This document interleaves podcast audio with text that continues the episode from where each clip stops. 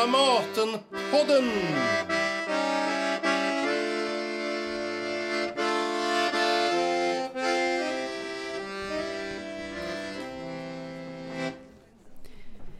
Hej och välkomna till höstens allra första avsnitt av Dramatenpodden med mig, Anneli Duva. Jag är dramaturg och redaktör på teatern. Teatersäsongen är ju igång nu den här hösten när det stora teaterhuset renoveras och det spelas på många olika platser. Det har varit premiär för Arthur Millers Häxjakten på Elverket, på Drottningholms slottsteater för Dövheten av Niklas Rådström. Den handlar om en åldrad Beethoven. Och nu i slutet av september är det premiär för Evakuering efter Cocteaus pjäs De förskräckliga föräldrarna. Och den spelas i en stor gammal lägenhet vid Hötorget i Stockholm. Rebecka Hemse regisserar. Och på lilla scenen har det varit premiär för Ifigenia i Aulis i Jon Fosses version och i regi av Nadja Weiss. Och det är om dramatikern och författaren Jon Fosse vi ska få höra mer idag. Fosse fyller nämligen 60 år i år och han hedras hela året i hemlandet Norge. Fosse, som är en av de mest spelade och mest hyllade dramatikerna i vår tid. Och även Dramaten vill förstås uppmärksamma Fosse, vilket vi gjorde den 19 september genom ett samtal som hölls på Elverket med rubriken Att översätta tystnad. Om att läsa Fosse, att spela Fosse, att översätta Fosse. Och det är det samtalet vi ska få höra nu där dramaturg Irena Kraus samlat flera Fosse-kännare för att tala om honom. Vi hör kritikern Leif Särn, översättaren Marie Lundqvist, förläggaren Berit Gullberg och skådespelerskan Stina Ekblad som börjar med att läsa. Jag vet inte vad det är som sker. Men det är väl något som vi kanske kan förstå mitt i den kärlek som öppnar sig som ett fönster blånande mot ett mörker. Då öppnar du också ditt fönster mot det stupande mörkret i allt jag såg. Och vi andas oss inåt mot en alltid återkommande och alltid bortflyende plats. Där gamla händer knäpper sig i bön. Som tårar i skärande gammal musik. Långsam musik. Och ge oss den långsamma musiken. Som vi aldrig förut har hört och alltid har vetat fanns där. Den långsamma musiken som fanns där innan våra kläder fanns. De gamla kläderna som vi alltid har velat vara och som berättar om det vi alltid har varit, aldrig har varit. Jag ber om en ny och gammal rörelse som finns till för att försvinna så som en höstdag försvinner i sitt mörker av regn. Räck mig en rörelse och låt oss försvinna i den.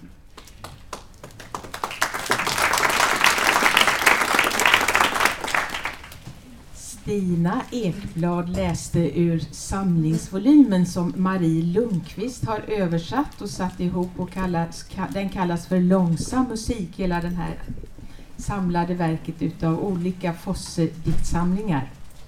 Kära publik, hjärtligt välkomna. Det är otroligt roligt att se att det är så mycket folk här och, och för att lyssna på vårt samtal om Jon Fosse. Eh, jag tänkte börja med att presentera vilka som sitter här bredvid mig. Stina Ekblad, skådespelare. Du har spelat Fosse en gång i Flicka i gul regnjacka.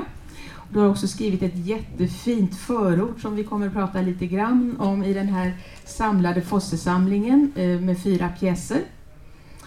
Eh, Berit Gullberg, förläggare. Du är inte bara Fosses eh, förläggare i, teatervärlden och den som fört ut honom i världen. Du är också personlig vän till Jon. Och du kan din Fosse utan och innan. Nu har du inte medaljen på dig idag Berit. Så, nej, den var för tung.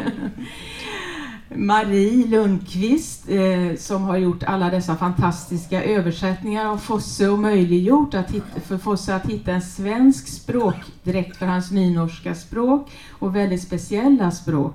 Just nu är du aktuell med din översättning av Ifigenia i Aulis som vi hade premiär på förra veckan på Dramatens lilla scen. Leif Sern, kritiker. Du har varit följt Jon Fosse ända sedan mitten av 90-talet och jag har också läst den här biografin som du kom ut med. Den har några år på nacken nu men en jätteintressant bok, Det lysande mörkret, handlar om Jon Fosse. Vi ska vända och vrida på det här. Jag vill eh, om Fosse och eh, jag ska bara säga några inledande ord. Jag vill också faktiskt passa på att tacka norska ambassaden. Ni finns på plats här någonstans. Utan er medverkan ikväll hade inte kvällen varit möjlig. Tusen tack till norska ambassaden förstås. Ja, Jon Fosse. Jag heter Irena Kraus, jag är dramaturg. eh, Jon Fosse är översatt till mer än 40 språk och hans pjäser har satts upp närmare tusen gånger över världen. På Dramaten har vi spelat Fosse fem gånger tidigare. Dröm om hösten 2002 som Stefan Larsson satte upp. Döden i TV 2009 satte Annika Silkeberg upp. Flicka i gul regnjacka 2009 Eh, som Gunnel Lindblom satte upp och hon satte också upp en sommardag som vi spelade 2010. Sen gjorde vi Barnet, en väldigt tidig och fantastisk Fosse-pjäs. Den satte eh, Johannes Holmendal upp eh, på eh, Lejonkulan faktiskt och det var 2015. Och nu senast Ifigenia i Aulis då, som Nadja Weiss regisserade. Fosse debuterade som romanförfattare i början av 80-talet. Då var han bara 24 år. Sen kom han, gick han vidare till lyriken och eh, tio år senare, 93, kom dramatikerdebuten med Och aldrig ska vi skiljas som var en beställning av Den nationale scene i Bergen det stora genombrottet som dramatiker kom två år senare med pjäsen Någon kommer att komma och den såg faktiskt jag Eh, 2002 i Eirik Stubes uppsättning. Ehm, det var en rätt speciell, det hände något väldigt konstigt när jag såg den för att jag råkade få biljett längst fram och jag tycker om att sitta långt bak för att kunna titta lite ordentligt. Och då satt några äldre kvinnor precis bredvid mig och plötsligt så lutade sig den ena kvinnan fram mot sin väninna och viskade i örat på henne. Och jag tänkte, hon trodde nog att hon viskade men det hördes väldigt, väldigt högt. Och det hon sa var då, vem är det som kommer att komma tro? Ja, precis. Och jag, nu berättar jag inte detta bara som en liten rolig historia, även om släktskapet med Beckett och Pinter ofta påtalats. Men jag tycker att bara i titeln så finns det väldigt mycket utav, alltså någon kommer att komma, så finns det väldigt mycket av det typiska för Fosse. Paret i pjäsen som hittat en icke-plats, så typisk för Fosse, som inte kan värja sig mot framtiden eller det förflutna. De är ensamma och ensamma tillsammans. Gåtfullheten och hemligheterna finns absolut där, liksom det du skriver om Stina, att det gäller samtidigt att komma åt det vardagliga i tonen när man spelar Fosse. Vi ska prata mer om det. I år fyller han alltså 60 år. Han fyller, tror jag, om 10 dagar, Berit? 29. Och det firas naturligtvis stort i Norge där man haft seminarier, föreställningar, samtal och diskussioner. Och du var där, Berit. Kan du berätta lite grann? Ja, man har planerat det här ganska länge och skannat av vad som händer ute i världen, var man spelar Fosse. Eh, vi har hittat ett antal föreställningar som vi har presenterat för den här lilla juryn och det kom osannolika uppsättningar från Ryssland, från Japan, från Frankrike, eh, från Holland eh, och naturligtvis svenska och så här, Frankrike ja, eh, och norska uppsättningar också. En salig blandning av vad man kan göra med Jon Fosse mm. som dramatiker. Och så var det väldigt många samtal, olika paneler och väldigt mycket folk Och norrmännen är otroligt bra på att eh, hurra för sina begåvningar. Inte bara Ibsen, utan nu hade man hängt hela Karl Johan med banderoller från, från riksdagshuset ända ner till slottet med stort Jon Fosse. Den enda som aldrig var ute och såg någonting och överhuvudtaget inte rörde sig på gatorna, det var Jon. Han satt hemma i sin hedersbostad som heter Grotten det är en mycket märklig, väldigt vackert gammalt hus från sekelskiftet, alltså 1800, eh, som bara väldigt stora norska kulturpersonligheter får bo i. Berglund har bott där bland annat.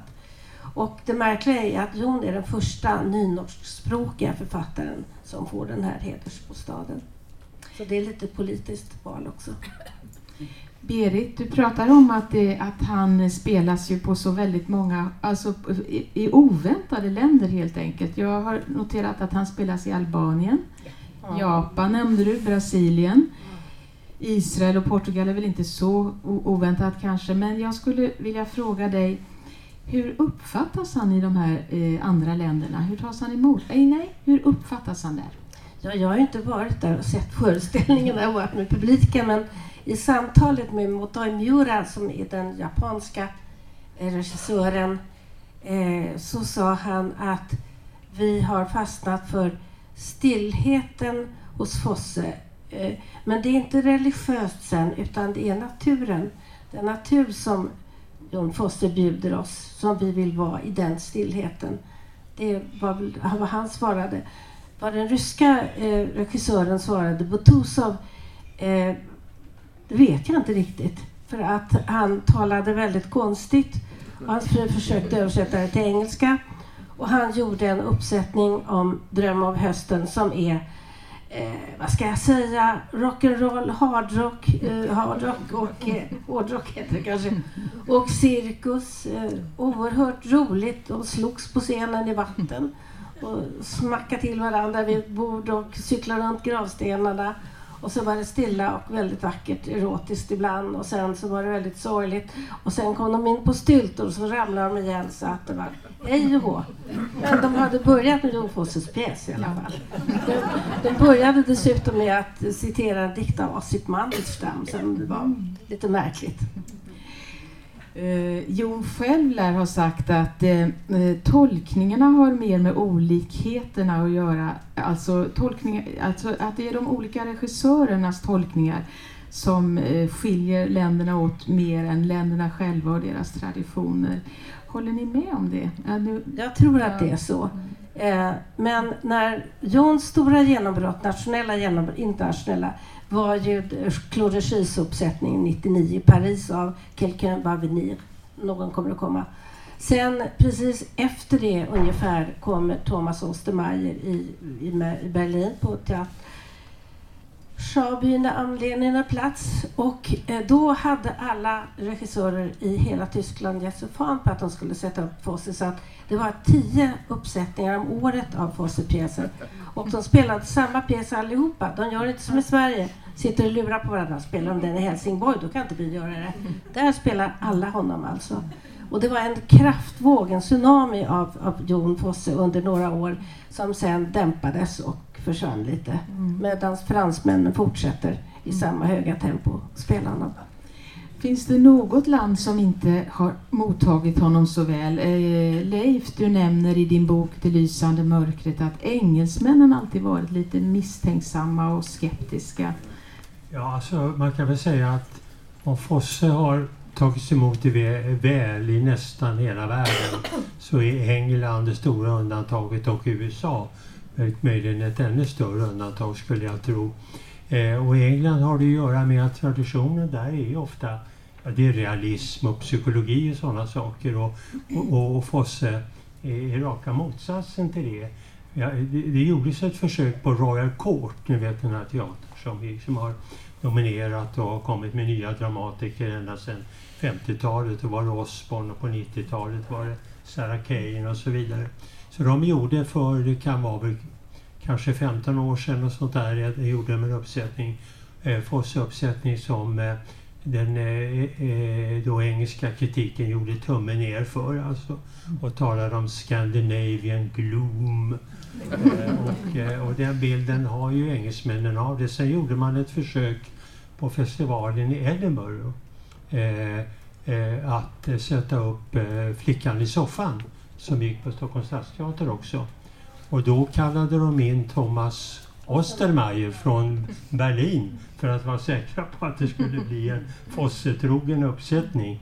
Och det gick ju ganska bra faktiskt. Men det fantastiska med det var att ensemblen fick åka till Berlin och repetera. Regissören satt hemma och de fick komma dit från England. Eller från Skottland. Ja. Men, eh, det, men det lyckades ju någorlunda kan man säga. Sen gjorde man ett tredje försök som du, Berit och jag, vi var på en repetition bara någon vecka före premiären och det var på, eh, inte på Ol, Youngvik eh, som är, liksom, hör ihop med Olvik naturligtvis. Och då hade man återigen importerat en regissör, nämligen Patrice Chéreau, som ju var den stora franska regissören mer eller mindre ända sedan 60-70-talet. Han, är, han, han dog kort tid efter den här premiären. Och den pjäs, det var Jag är vinden, alltså den pjäs som också Stockholms stadsteater spelade för en del år sedan. Och det var en eh, fantastiskt fin föreställning och eh, då minns jag att eh, Michael Billington till exempel, den mest kända engelska kritikern som eh, väl tidigare hade varit rätt skeptisk som alla andra till, till Jon, sa att nej, nu ger jag mig, det här var fantastiskt bra. Alltså. Men, eh, det, men eh, det, sen dess vet jag inte om man har spelat honom i England. De spelar honom på småteatrar och De gör det. väldigt många unga eh, människor som ger sig på honom. De har väl blivit mera europeiserade. De skiter i Brexit om man säger så. Men de försöker faktiskt att, att hitta Jon och det gör de också i Amerika men det är små teatrar, underground och sådär. Så att de här, det är faktiskt 700 föreställningar om honom, vad vi vet. Mm. Det finns säkert massor som har hänt. Så är det ju väldigt ofta väldigt små teatrar som spelar om, alltså små lokaler. Så att det är ju inte så att det är sånt här 2000 Nej. platsers eh, teatrar. Mm. Då hade vi varit miljardärer i det här laget. Så är det. Ja, alltså som vi nämnde så började han ju som, han började skriva prosa, sen gick han över till lyriken, han har skrivit eh, väldigt fina essäer som vi kommer få höra lite ur här så småningom. När en ängel går genom scenen kommer Stina att läsa lite ur. Han har faktiskt också skrivit barnböcker med väldigt lustiga titlar. Du och du, Nej och nej, Fi och fy.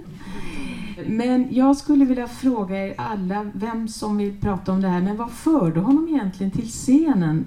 Det kändes lite nästan som en slump som tog honom dit och jag har faktiskt hört att han hatade teater från början. Eh, vad var det han hatade så mycket tror ni? Jag tror han hatade den förljugna teatern och det, det lavade liksom. Eh, vi råkade, Ove och jag råkade ta med honom på en föreställning på Maxim en gång.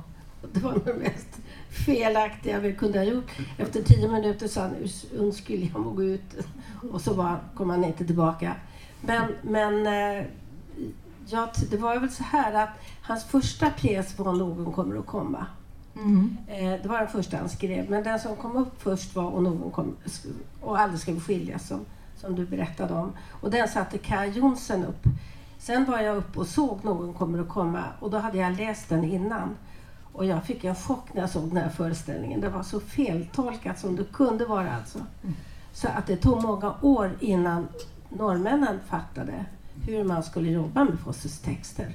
Kai var ett föredöme, men det tog lång tid och eh, det är en som har betytt väldigt mycket för Jon i Norge, det är, eller två ska jag säga, det är Leif och Lars Ring från Svenskan för att de började åka med mig ganska tidigt till Oslo och Bergen för, för att se Jons uppsättningar och skriva i dem i svensk press. Och så skickliga kritiker hade man inte då riktigt. Man hade inte insett vem Fosse var. Mm.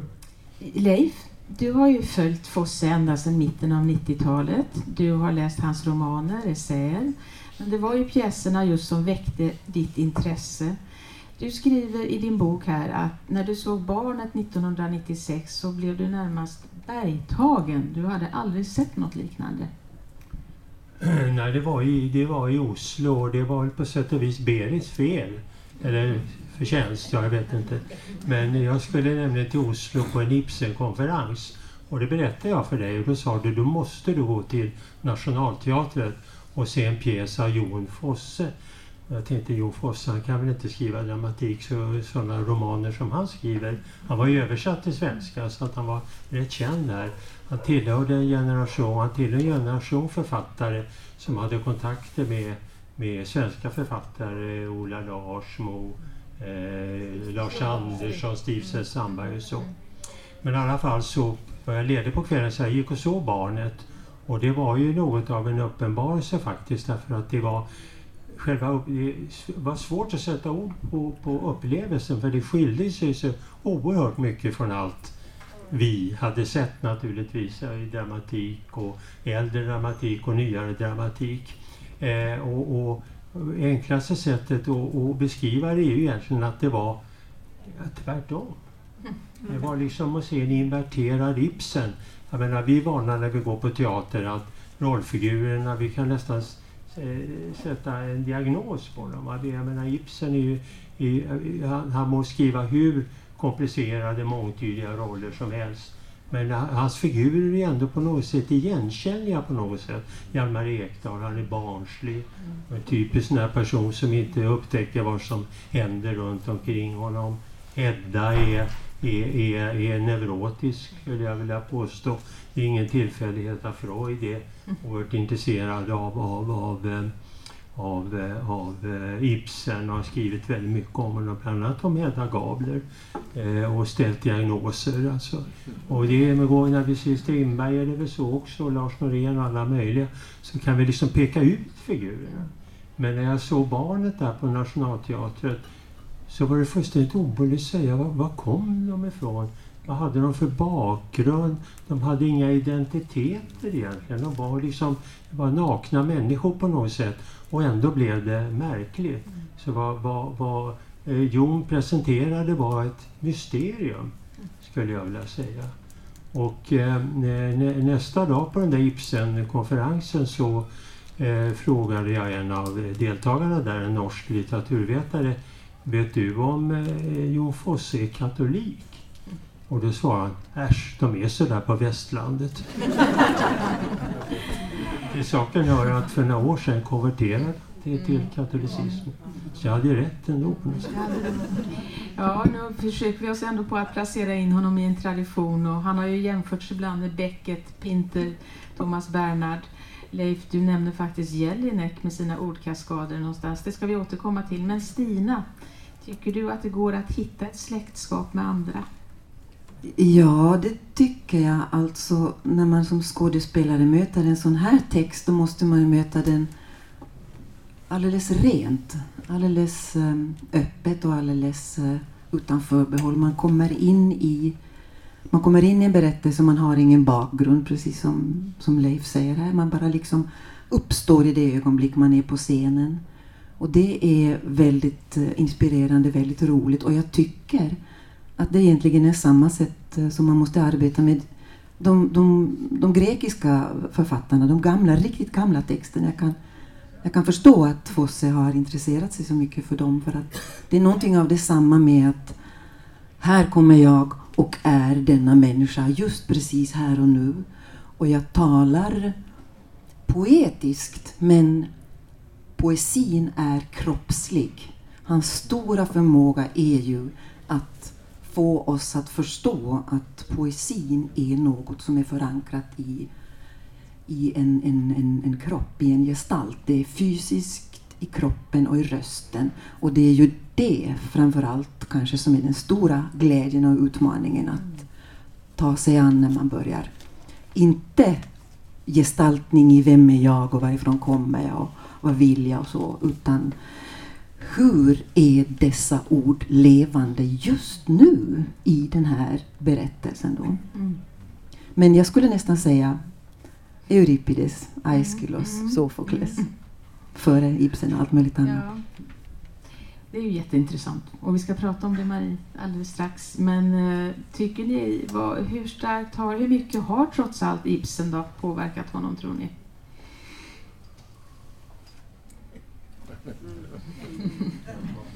Eh, ja, alltså, indirekt är han ju starkt på, han, han är beundrare Ibsen. Jag, jag har inte talat så mycket med Jon om sådana saker. Jag talade inte med honom när jag, när jag skrev min bok till exempel heller. Men, men, eh, men jag vet att vi någon gång har kommit in på, på Ibsen och då har han ju talat om Ibsens mörker framför allt. Alltså.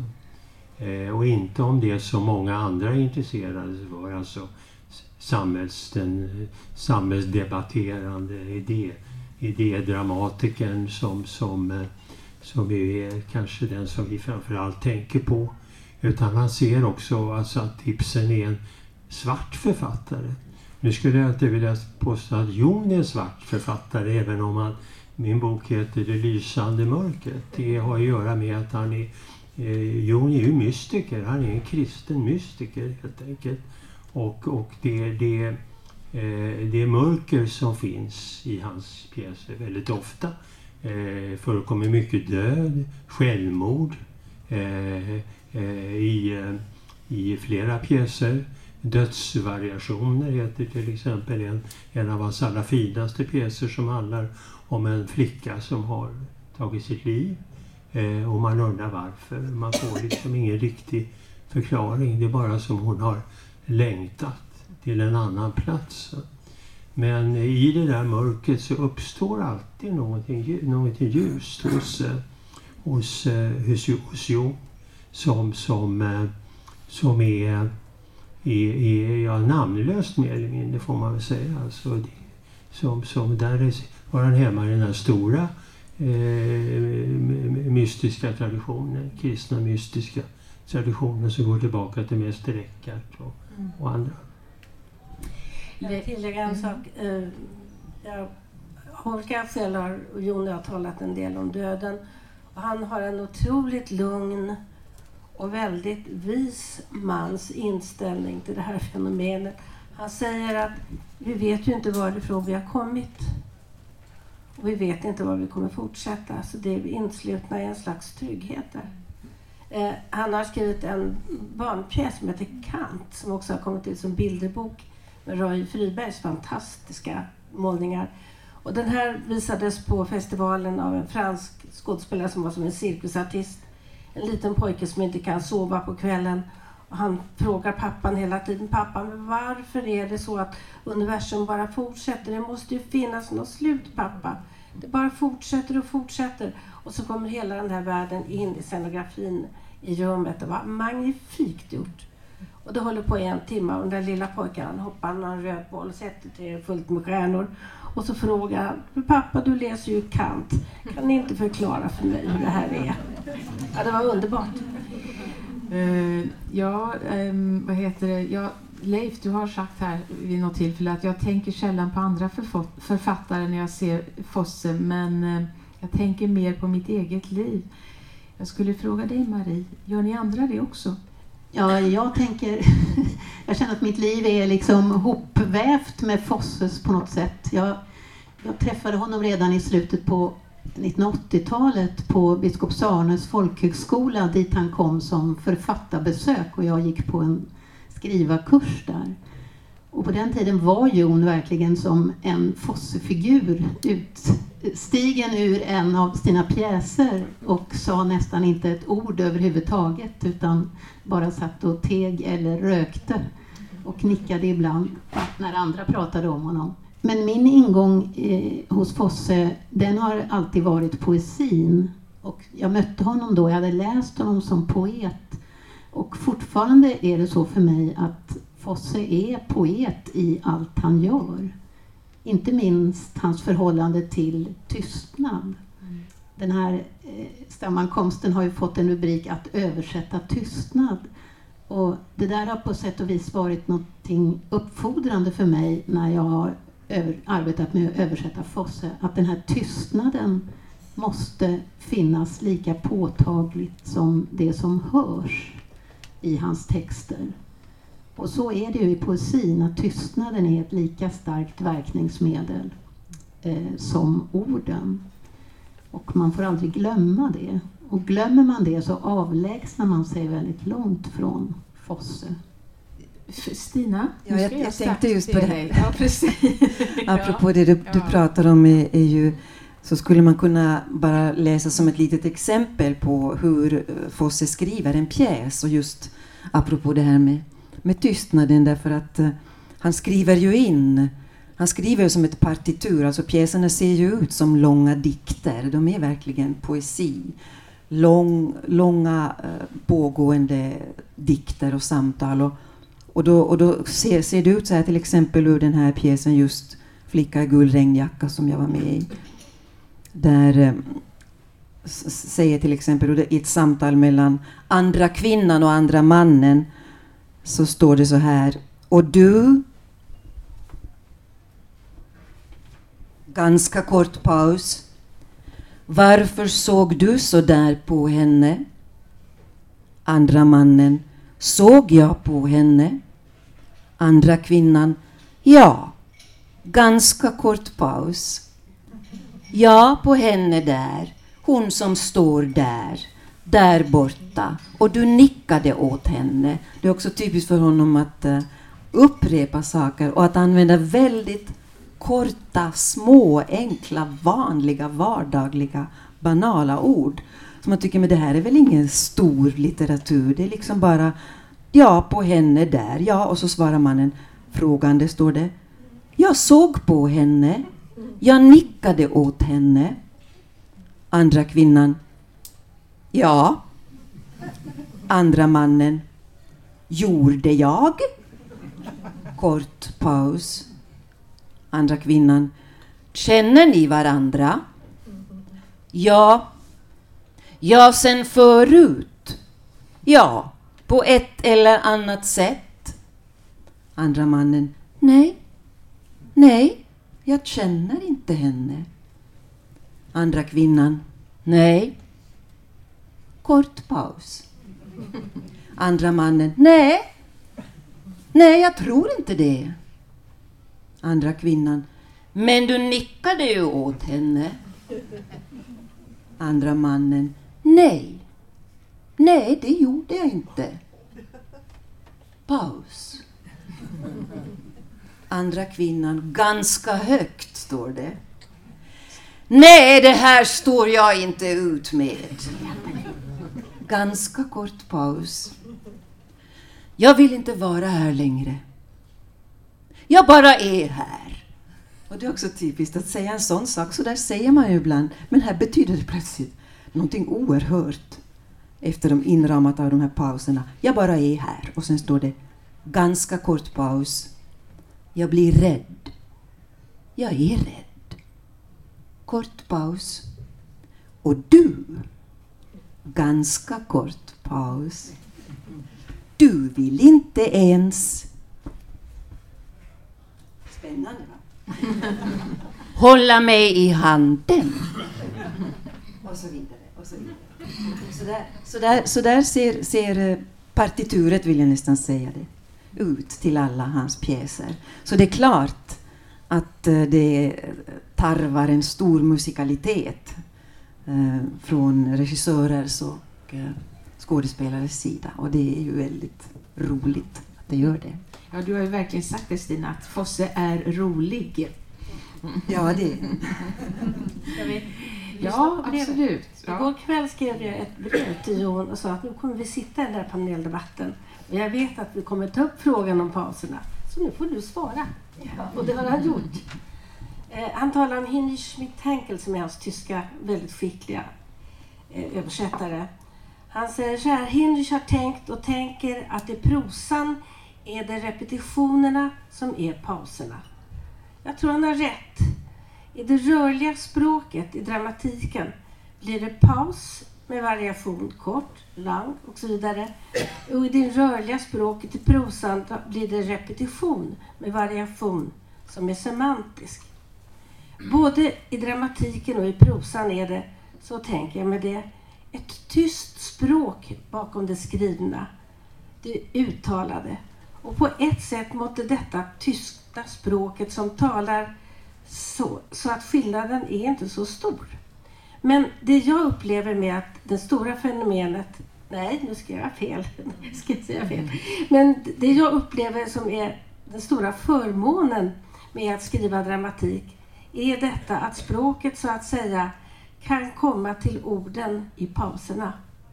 Den stora glädjen vid att skriva prosa är att jag, så som jag skriver, kan nyttja ett mycket större ordtillfång, skriva stora språkliga rörelser och att texterna blir långsammare. I poesin uppstår det ju också pauser, så att säga av sig själv, i rytmen. Särskilt i och med linjedelningen. Men jag kan också nyttja större mellanrum mellan ord för exempel. Och där har en ju ett eget ord för det, cesur. Hölderlin överförde ju detta ordet till dramatiken och skrev om tragisk cesur. Du må hälsa så jättemycket till publiken och till Stina och till Leif och Marie, skriver Jon. Lite kul att få. Tusen, tusen tack. Men Jon har ju själv också talat om eh, det här när människor har ifrågasatt varför talar människor så lite i dina pjäser som vi nu hörde i Stinas vackra uppläsning. Då har jag sagt att ja, det beror absolut inte på att det är någon slags andlig eh, fattigdom eller att de har så lite språk utan det beror på att de vet så väldigt mycket. Och att de har sån respekt för det här stora som vi, vi har omkring oss i, i vår, våra erfarenheter. Och det är därför som de talar så knappt. Det tycker jag är spännande att tänka på att allt det som inte sägs är inte på grund av något slags språkligt handikapp utan det är av respekt för allt som skulle kunna sägas. Mm. Om, får jag tala lite dramaturgi här ett tag för att det är jag så intresserad av. Men, um, personerna, var de kommer ifrån vet man kanske sällan, vilk, inte heller bestämt vilka de är. De klassiska vändpunkterna saknas. Om det finns några vändpunkter, eh, om det inte finns några vändpunkter, vad kan man då ta på? Finns det en risk att det kan bli opersonligt, frågar jag nu här. Och eh, hur långt kan man avstå från att visa ett förlopp utan att hamna i det händelselösa? Du Stina pratar om att det måste finnas, eller att det finns ett sällsynt, att Jon Fosse är sällsynt nära nuet ändå i sina pjäser. Ja, eh, absolut. Och eh, jag tycker han eh, är mästerligt bra på att undfly det, vad ska vi säga, att få sina gestalter att bli, ehm, de blir, de blir de blir personliga, de blir personer, de är personliga personer de är inte privata, banala klichéer. De omfattar um, någonting mänskligt igenkännbart. De är inte de är liksom på sätt och vis ospecifika, på sätt och vis är de liksom bara människomallar. Men det intressanta är att de är ändå inte det när de får röst, när de får kropp, när skådespelaren iklär sig de här texterna och möter medspelaren i berättelsen så blir det otrolig dynamik ändå i det. Fast det kan se så, se så nästan banalt och, och enkelt ut när man läser det. Och jag vet inte vad det är, men det hänger ihop med hans enorma människokännedom, hans stora musikalitet och så förstås den där eh, vidöppenheten mot någon slags andlig eh, metafysisk samhörighet med det mänskliga. Mm. Eh, han, han, han rör sig inom ett, ett, liksom ett stort och djupt område. Det, det ska man inte vara förskräckt inför, för så är det. Du har talat, det är väldigt spännande tycker jag det du skriver här om att, eh, om, om, att eh, spela Fosse och du säger att det också gäller att borsta av sig det poetiska, statuariska och hitta, eh, och hitta just det här nuet. Då. Eh, och att vara varsam om de här enkla orden. Ja, och då menar jag just att om man, om man, kallar, om man säger att det poetiska är någonting som är liksom lite fritt svävande, lite sådär lite esoteriskt, märkvärdigt. Man kan, man kan förledas till att bli lite på det sättet när man ser de här glesa texterna och, och det här hur det är uppställt och så. Hur, att man blir lite, sådär, lite högtidlig inför det. Och då, det går ju inte alls. Det går inte alls, utan det måste vara riktiga människor som talar med varandra på riktigt. Uh, och samtidigt så måste man våga fatta att en riktig människa är en storartad människa och, och, och inte liksom vara blyg inför det. Det är på sätt och vis vanliga människor som talar med varandra men vanliga människor är märkvärdiga och det upptäcker man hos Fosse. Så om det står finstämt i en recension, då har man gått fel? Eller? Ja, det har man. Det, har man. Det, det, det ordet det vill vi inte höra, Leif. Marie? Jag, jag har också tänkt på det här, när man, när man översätter så tvingas man ju läsa texter på ett sätt som man nästan aldrig gör annars. Och då märker man ju att Fosses personer, de talar ju på sätt och vis likadant allihopa. Det är inte, alltså man tänker att det, annars är det ju vanligt både i pjäser och böcker att man utmejslar vissa personligheter genom deras sätt att tala och som skiljer sig då från den ena personen till den andra. Men Fosses personer, de talar liksom alla någon slags Fossespråk. Eh, och det där måste man ju också, eh, har man en gång upptäckt det så måste man ju liksom följa det här Fossespråket i sin översättning och inte frestas till att göra den som kallas flickan, eh, göra hennes röst till någon annan slags röst än den äldre mannen. Mm. Eh, och, och, det där är någon slags stilisering som också finns i Fosses texter som man på något sätt måste vara trogen. Du, Marie, ja, det här är väl också spännande därför att du har också pratat om att översätta, översätta Fosse är som att ge sig ut i vildmarken, säger du och slåss mot något fornnordiskt. Och han skriver ju på nynorska. Är det något som egentligen passar den svenska satsmelodin?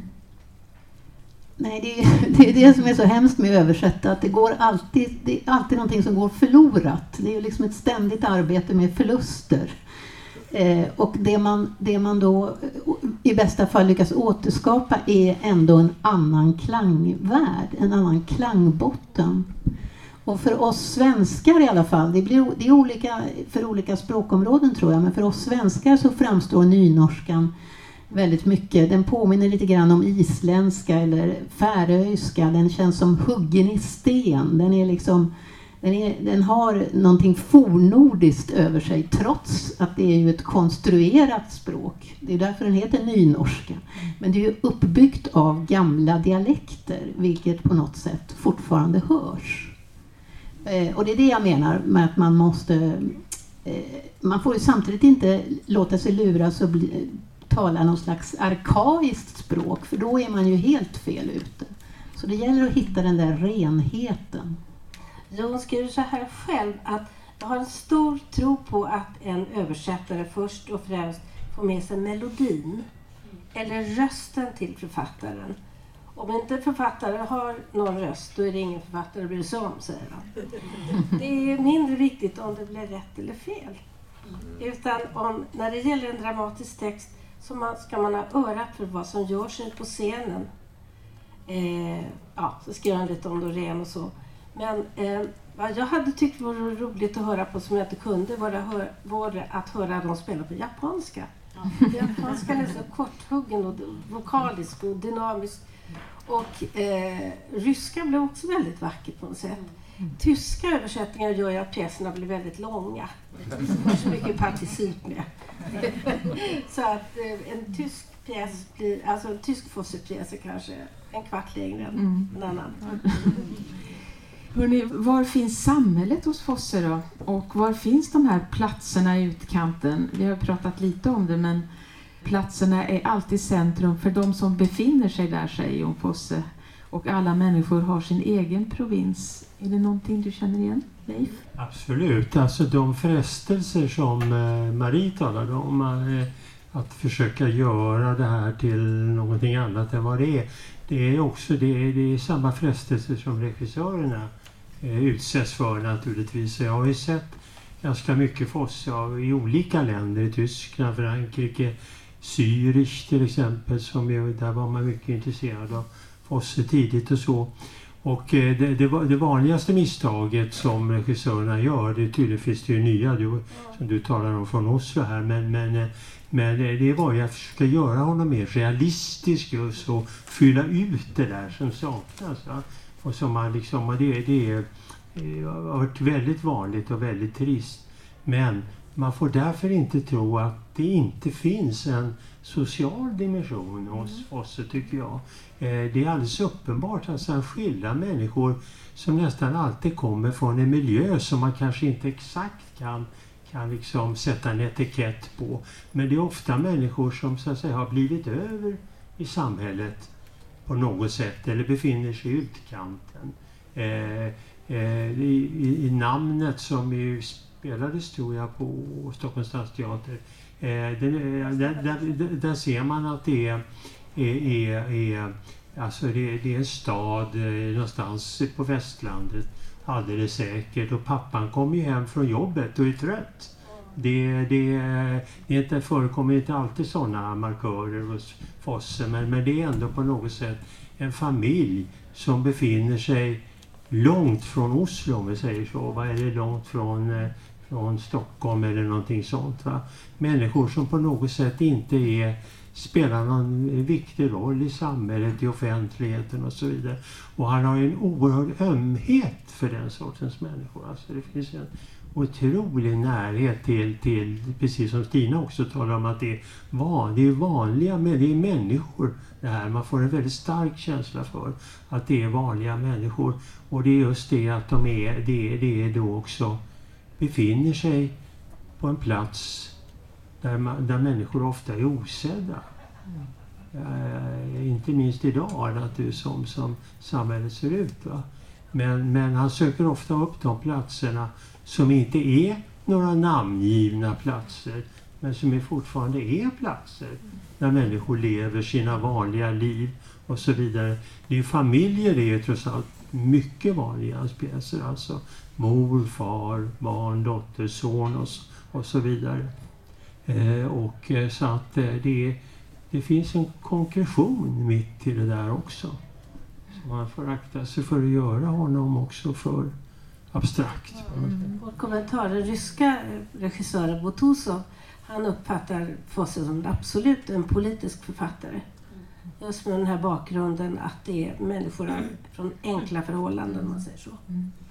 Stina, vi hittade ju en jättefin text där om icke-platsen. Det är en, eh, en kort essä från den här När en ängel går genom scenen. Och den heter Icke-platsen. Den bästa platsen är för mig inte någon plats. Det är en icke-plats. Men jag som alla andra måste ju vara någonstans. Och eftersom jag måste vara någonstans föredrar jag att vara någonstans som för mig så lite som möjligt är en plats. En plats som för mig så mycket som möjligt är en icke-plats. Kanske skulle man då kunna tro att jag därför hela tiden helst ville vara på platser där jag aldrig förut har varit. Så långt det nu är möjligt. Alltså att jag skulle vilja vara på resa hela tiden. Men så är det inte. Kanske var det så när jag var ung. Men nu är det inte så. Det var antagligen så att den nya platsen, den plats jag kom till på min resa, kändes som en icke-plats när jag var ung och orädd. Nu däremot känns den nya plats som jag möter på en resa ofta som en mycket mer påtaglig plats än andra. När jag kommer till en ny plats pressar den sig på mig och tar över allting, gör mig rädd och liten och förvirrad. För mig är det den välbekanta platsen som är mest tänkbar som icke-plats. Den mest välbekanta platsen är den jag lika gärna kan kalla för hemma. På den mest välbekanta platsen får det som fyller rummet efterhand en tyngd som gör att det försvinner från min uppmärksamhet och sjunker ner i något osynligt samtidigt som det naturligtvis finns där. Platsen försvinner på ett sätt samtidigt som den finns. Det är som om platsen får sitt icke. blir till en icke-plats. Och för mig är nog litteraturen, kanske också konsten på det hela taget, en sådan icke-plats. En plats som försvinner samtidigt som den finns. Det viktigaste med litteraturen är kanske just dess försvinnande existens. Att litteraturen ofrånkomligen är något bestämt, en plats som ändå försvinner och blir till något obestämt, till en icke-plats. Men utan platsen, den bestämda, kan inte icke-platsen finnas. Detta glömmer den dåliga författaren eller konstnären. För i dålig litteratur finns bara ett icke. Platsen finns inte. Därmed heller inte icke-platsen. Meningen finns inte, därmed heller inte icke-meningen. Helheten finns inte, därmed heller inte icke-helheten.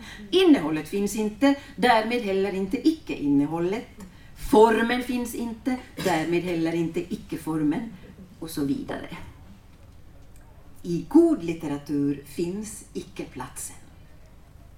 Och i icke-platsen finns försoningen. Den försoning som den goda litteraturen och konsten trots allt erbjuder oss som en öppning där kropp och själ kan mötas, liksom form och innehåll, liv och död. För min del kan icke-platsen gärna kallas för en plats. Jag har själv kallat den just så. Men icke-platsen är inte någon plats.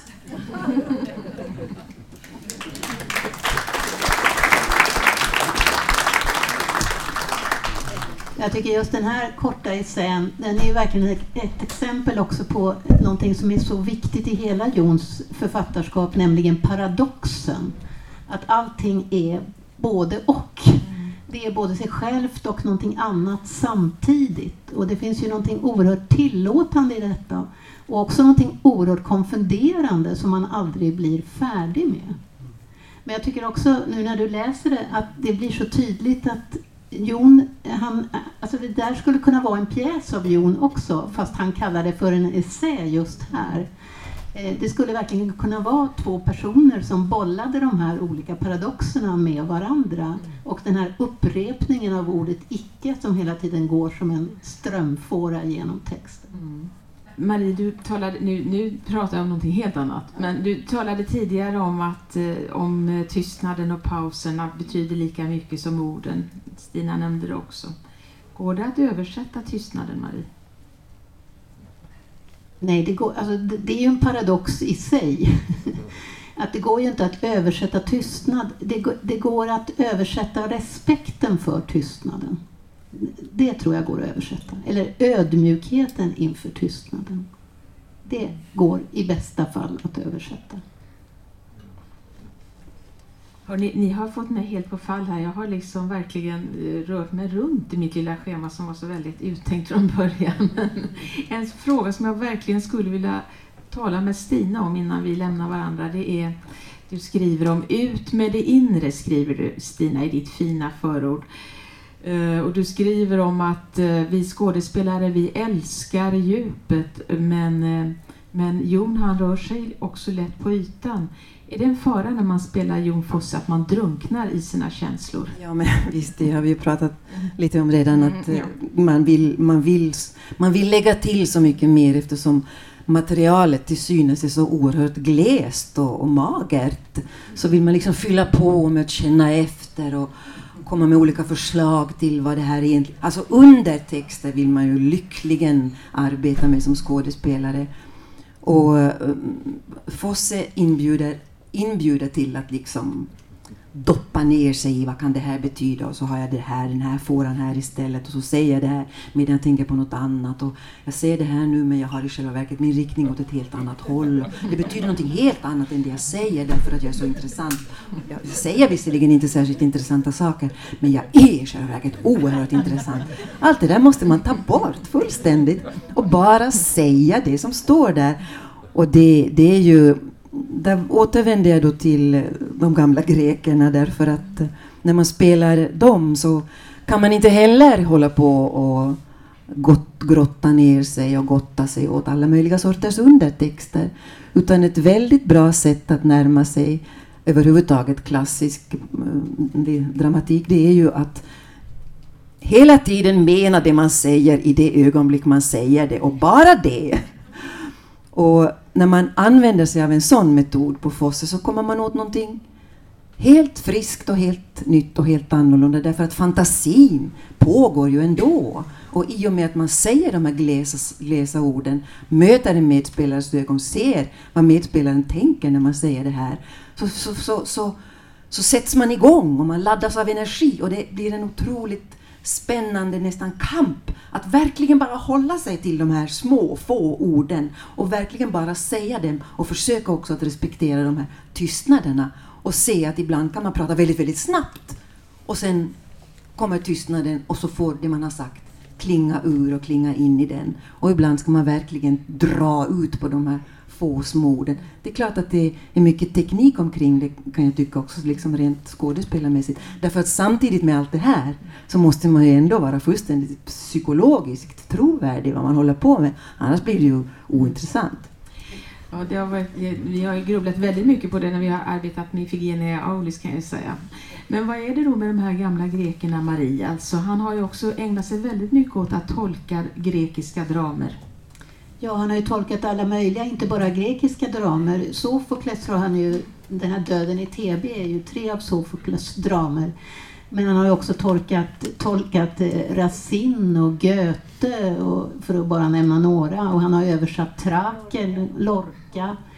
Eh, ett antal, alltså jag är inte ett, ett minsta förvånad att han liksom rör sig i ekorummet av de här stora klassiska författarna. För det tror jag på något sätt är fullkomligt naturligt för honom. Eh, men han, han, han gör det ju på ett, på ett sätt, på ett väldigt troget sätt ser man. Jag kan inte läsa de här i original, de flesta av dem, men jag kan ju läsa andra svenska översättningar eller andra engelska översättningar av de här klassikerna. Och då ser man ju att Fosse, det är inte så att han liksom stuvar om eller som ofta är vanligt eller bearbetar på, på något sätt genom att kasta om det hela eller ta loss stora bitar. Utan han är väldigt trogen originalen men han renar originalen på något sätt från allt. Jag ska inte säga slagg för att det är det ju inte. Men, men på något sätt han vaskar guld kan man säga och får fram essensen. Det, det är så han arbetar. Men jag tror att eh, även när han skriver eh, vanligt, det har han ju också gett uttryck för att han, han har de här stora klangerna i bakhuvudet på något sätt. Uh, Leif, du har skrivit här någonstans att han kom till teatern som en e-, alien och han har i någon mån förblivit det, skriver du. Uh, det skriver du i din, din, fina bok här och den har ju några år på nacken. Men skulle du fortfarande betrakta honom som en, något av en outsider? Både och kanske. Det, det, han var ju det i väldigt hög grad från början och han var ju det också det med vi, vi var ju inne kort på det där att han var han gillar ju inte teater. Jag tror att han började skriva. Han fick ju som, det var någon som satt igång ungefär som en eh, liten experimentverkstad och han fick eh, ombads att skriva någonting och gjorde det mycket motvilligt tror jag. Eh, och, eh, det, det, eh, och sen har han liksom långsamt vuxit in i det här som han inte själv hade en aning om att han ville göra. Det tillhör väl också paradoxerna det här med hans eh, platser och icke-platser. Att han, det gäller i högsta grad honom själv alltså. Så att ehm, eh, och sen ska vi inte glömma bort då, det har vi också varit inne på, att han var ju, även om han nu översatt över 40 språk, så har han ju också varit sedd över axeln av väldigt många. Inte bara de engelsmännen som talar om Scandinavian gloom. Eh, det gjorde man ju här också. Jag kommer ihåg när, när Erik Stube satte upp Någon kommer att komma så var det någon som viskade Någon kommer att somna. Eh, därför att eh, han ansågs då odramatisk naturligtvis och, eh, och tråkig på något sätt. Och det finns fortfarande väldigt många som inte gillar Jon Fosse och inte förstår sig på Jon Fosse. Så att det finns så att säga en, en, en, en eh, det finns ett Fosse-gäng och ett eh, icke-Fosse-gäng kan man säga. eh, och eh, och eh, ibland måste man ju tyvärr säga att regissörerna tillhör det här icke, icke-gänget genom att förstöra honom också. Men det intressanta egentligen med, med att, han, att, han var, att han inte gillar teater är att det, han tillhörde ju där en tradition som jag tycker är så oerhört intressant och som man sällan talar om, nämligen teaterhatet alltså. Mm. Eh, och eh, och eh, att man, man, uppfattar teater som på något sätt en lägre stående konst. Eh, vi kan inte gå in på det nu för det har ju djupa rötter. Platon var först och, och kyrkan naturligtvis under medeltiden. Och det är lätt att förstå att eh, jag menar, skådespelare var syndiga och eh, teater var överhuvudtaget eh, på något sätt en, en andra rangens konst i förhållande till skönlitteraturen, poesin och allt annat. Eh, dramatiker kunde gå an ibland men skådespelare var, gick ju definitivt inte an. Och, eh, men samtidigt har den där teaterhatet har spelat en roll i dramatikens och teaterns historia. För det har alltid funnits folk som har varit missnöjda med teatern och velat göra någonting annat än det som finns. Eh, inom modernismen är ju det väldigt vanligt, eh, att, att 1900-talet sådär. Va? Så att man, det har skett en förnyelse på grund av att man, precis som Jon, var främmande för teatern. Ja, och, och ville på något sätt förvandla den. Nu tror jag inte att eh, Jon har haft sådana eh, ambitioner att liksom tänka så stort. Va? Men, men det, han har ändå delvis tillhört det också. Va? Och det är därför, det är därför, man, det är därför man fortfarande, jag fortfarande är något av en alien. Och jag tycker det är väldigt bra att tänka på honom som en alien, som en främling i det här som vi håller på med till vardags och så vidare. Mm, det tycker jag är väldigt fina slutord här faktiskt. Um, ja, jag tänkte sluta faktiskt med ett citat av Jon som väl fångar det jag tycker vi har pratat om här ikväll. Uh, att han, han säger um, ett eget universum blir till varje gång jag skriver. Jon Fosses ord. Hörrni, tusen, tusen tack. Och där lämnar vi Irena Kraus med gäster på Dramatens Elverket i det här samtalet om Jon Fosse. I nästa avsnitt av Dramatenpodden kommer det handla om Fedra Hippolytos i regi av Tatu Hämäläinen. Det utgår ifrån den tidlösa berättelsen om Fedra Hippolytos som maktstrukturer kopplade till kön, sexualitet och ålder. Där den äldre kvinnans lust till en yngre man är det stora tabut. Och det är Tora von Platen som har skrivit en ny version som utgår från pjäser av Jean Racine, Seneca den yngre och Euripides premiär den 28 september på Scenkonstmuseet. Ytterligare en av de platser Dramaten spelar på den här hösten. Tack och hej! För vi gjorde en måne av silver och en underbar krona